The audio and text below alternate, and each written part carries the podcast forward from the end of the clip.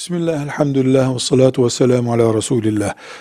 Resulullah sallallahu aleyhi ve sellemin alemlere rahmet olarak dünyayı nurlandırdığı dönemden önce, cahil, cahiliye dediğimiz dönemde, Arap müşriklerinden bazıları, kendi doğurdukları kız çocuklarını diri diri gömüyorlardı.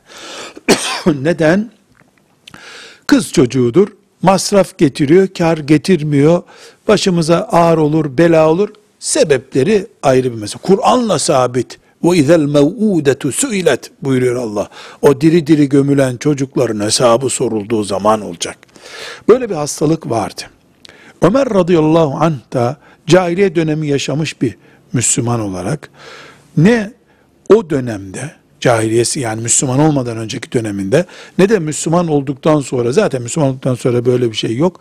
Kendi çocuğunu gömdüğüne dair kitaplarımızda bir bilgi yoktur.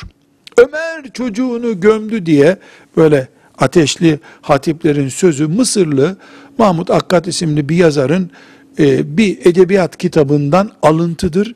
O da bu asra ait bir alıntıdır. Yani ümmeti Muhammed'e İslam'ın ilk yıllarını taşıyan hiçbir eserde Ömer bin Hattab radıyallahu anh'ın kendi çocuğunu gömdüğüne dair bir bilgi yoktur. Bu o dönüşümün yani Ömer bin Hattab radıyallahu anh'ın üzerinde İslami dönüşümün, takva dönüşümünün ne oranda büyük e, çaplı olduğunu göstermek için anlatılıyor ama doğru bir bilgi değildir. Velhamdülillahi Rabbil Alemin.